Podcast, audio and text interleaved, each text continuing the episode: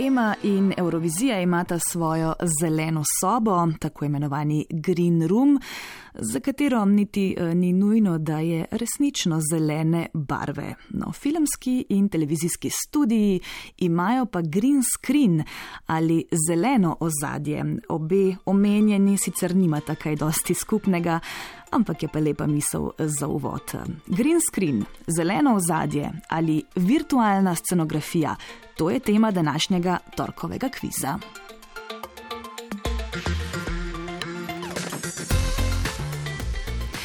In tokrat sem imela ta privilegij, da sem strokovnjaka poiskala kar znotraj naše RTV hiše. Rade Bojič, razvojni inženir v TV inženiringu, deluje na področju grafike, kamor spada tudi virtualna scenografija. Najprej pove, da začetke omenjene tehnologije segajo v začetek prejšnjega stoletja na filmsko področje. Namreč prišli so v nekako v situacijo, ko je treba posneti neko sceno ki ni bila izvedljiva v realnem okolju. In so začeli razmišljati o domeščanju oziroma ustavitvi ene scene v drugo. In so razvili posebno tehnologijo z ozadji. S filmsko obdelavo so na to v laboratorijih eno sceno umeščali v drugo. Tako da so v tistih eh, delih, kjer naj bi se ta scena videla, postavili neko ozadje, to je bilo pač modro ozadje. Zakaj modro ozadje? Zato, ker je zapis modre barve na filmu bil večji, hočem reči, granulacija filma je bila narejena tako, da je bil zapis modre barve zelo velik, in potem so pač to z večjimi ekspozicijami dosegli na ta način, da so izločili neko ozadje in združili dve kopiji filma, in smo dobili občutek. Da dva sedite na zadnjem sedežu, pa se tisto ozadje malo čudno premika. Ne? Ja, ta uh, neusklajenost tresljajev je torej dobro opazna v kakšnem starejšem črno-belem filmu, kjer se nam eh, zazdi, da se tresljaji oziroma premiki avtomobila ne ujemajo čisto s tresljaji in premiki ozadja, ki ga vidimo skozi okno vozila. Ampak eh, k temu se še vrnemo. Eh, in ja, slišali ste prav, prva ozadja so bila modra, šele poznejša so bila zelena. Zakaj?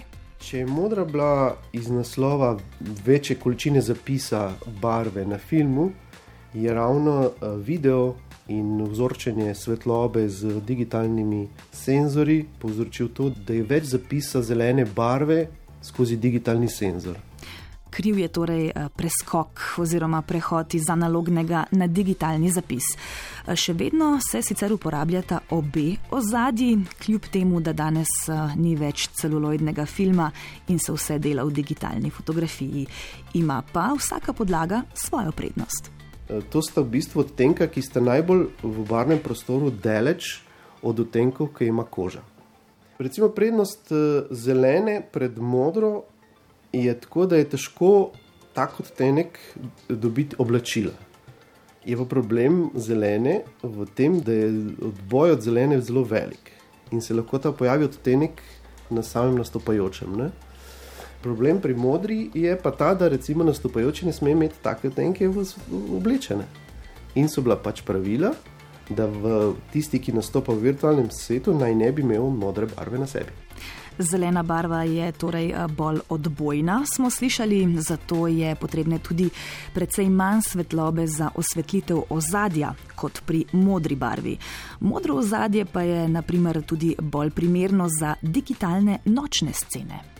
In problem je tega izločevanja, mi rečemo temu kijanje. Ne? Kako neko osebo, recimo spohajno uh, eh, žensko, ki ima blond lase, je zelo težko njene lase izločiti iz modrega ozadja in prilepiti na drugo, da ne bi zaznali odtenek modre barve. Ne?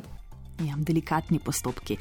Ampak tehnologija gre naprej in tudi uh, omenjeni problem je vse lažje in hitreje rešljiv.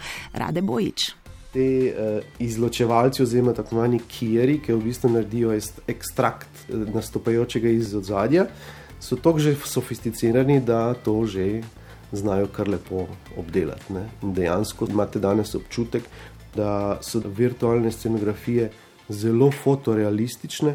Včasih tudi mi, ki delamo na televiziji, imamo pač pomisle, kaj je to realno ali je to dejansko nastopa na virtualni scenografiji. Virtualna scenografija je torej um, tudi poimenovanje za prostor, kjer se dogaja snemanje, oziroma um, torej ta studio, prostor, v katerega umeščamo realne objekte. Povedano bolj preprosto. Realni objekt je predvsem neka oseba ali pa več njih. Uh, in če hočemo doseči nek učinek, vsaj malo realnosti, moramo imeti tudi tako imenovane sledilne sisteme, ki sledijo tudi premiku kamere. Skratka, kamere, ki opazujejo to sceno, sledijo uh, svoji poziciji v prostoru in potem tudi pošiljajo računalnikom, kako naj izračunajo pogled skozi kamero. In zaradi teh senzorjev, torej danes ni več tistega neusklejenega gibanja, ki smo ga omenili prej na primeru filmske vožnje avtomobila.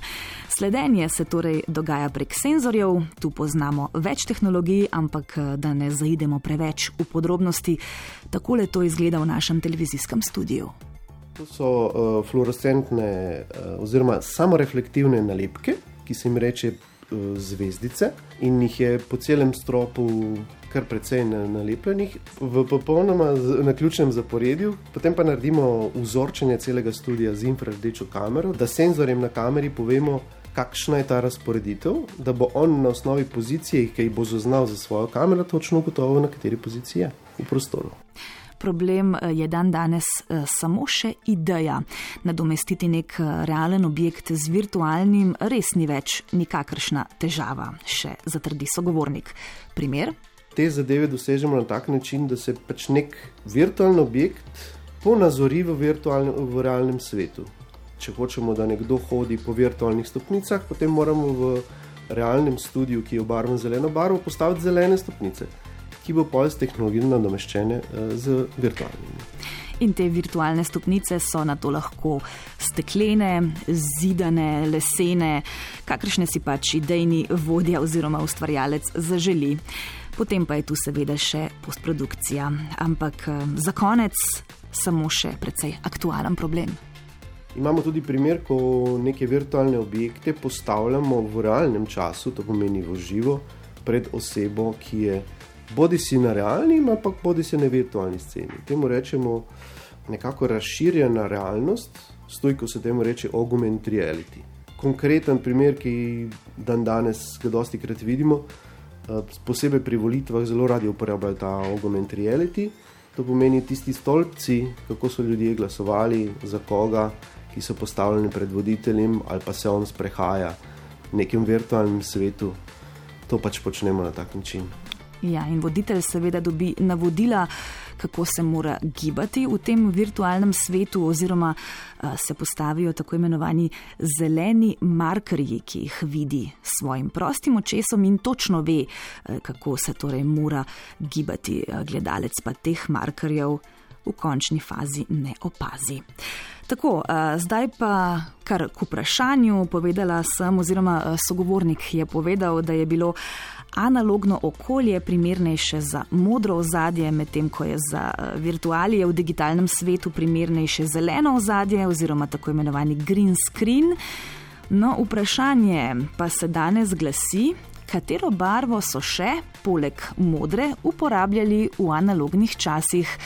Torej, eh, tisti čisto prvi poskusi, še pred modrim ozadjem, eh, so obsegali neko drugo barvo. Sprašujem, katero nič ena, 475, 22, 22, če poznate pravilen odgovor. Torej, sprašujem potem, um, kakšna je bila prva barva, ki so jo uporabili v filmu, uh, da so. Recimo temu poskrbeli za nekakšne virtualije. Uh, Dušan iz Kamnika, dobro jutro. Dobro jutro, Dušan iz Kamnika. Povejte. Uh, jaz, pa, jaz pa pravim, da je bila to modra barva. Ne, ni res, um, dušan, hvala, srečno. Um, pred modro smo, smo imeli še eno barvo, uh, lepo zdrav v kamnik, res je, uh, modra je bila pred zeleno, ampak pred modro je bila pa še ena. Branko iz Ljubljane, dobro jutro. Dobro jutro, gospodarja. Povejte. Je to bila mogoče rdeča? Ne, ni bila rdeča. Um, hvala, Branko, tudi vam za poskus. Bomo dali še komu priložnost. Torej, gremo v analogne čase, mogoče malce pomislite, kakšni so bili filmi takrat, čisto v začetku, pa bo odgovor precej lažji. Nič ena, 475, 22, 22, katero barvo so v filmih uporabljali preden. So potem uporabili modro, in kasneje potem smo uporabili zeleno v digitalnih časih. Branko, spostojne, dobro jutro. Črno, Črna, res je. to je sledilo sklepanje ali uh, googlanje? ugibanje. Ugibanje, zato ker so bili črno-beli filmi, ne, sej je precej preprosto. Ja. Branko, dobite majico prvega programa. Mi pa za konec slišimo še odgovor, da bomo zagotovo vedeli, da je pravilen, rade bojič takole razloži. Analogna je še vedno delovala bodi si na modrem, bodi si na črnem ozadju. Črno-bela televizija vsekakor na črnem ozadju. Tam je bil mal problem, da je recimo objekt pred črnim ozadjem moral biti dobro osvetljen, da kakšna senca ne bi bila tako črna kot ozadje, in potem imamo problem, da na tistem delu je figura bila prosojna. Ne? Ja, težave vedno so, več jih je bilo seveda ob eh, začetku uvajanja te tehnologije, eh, je pa to kar stara tehnologija, neverjetno, kaj ne, skoraj oziroma kar sto let. Tako, um, druga jutranja kronika bo na sporedu že čez 4 minute, uh, zato samo še nekaj glasbe, vi pa seveda ostanite z nami na prvem.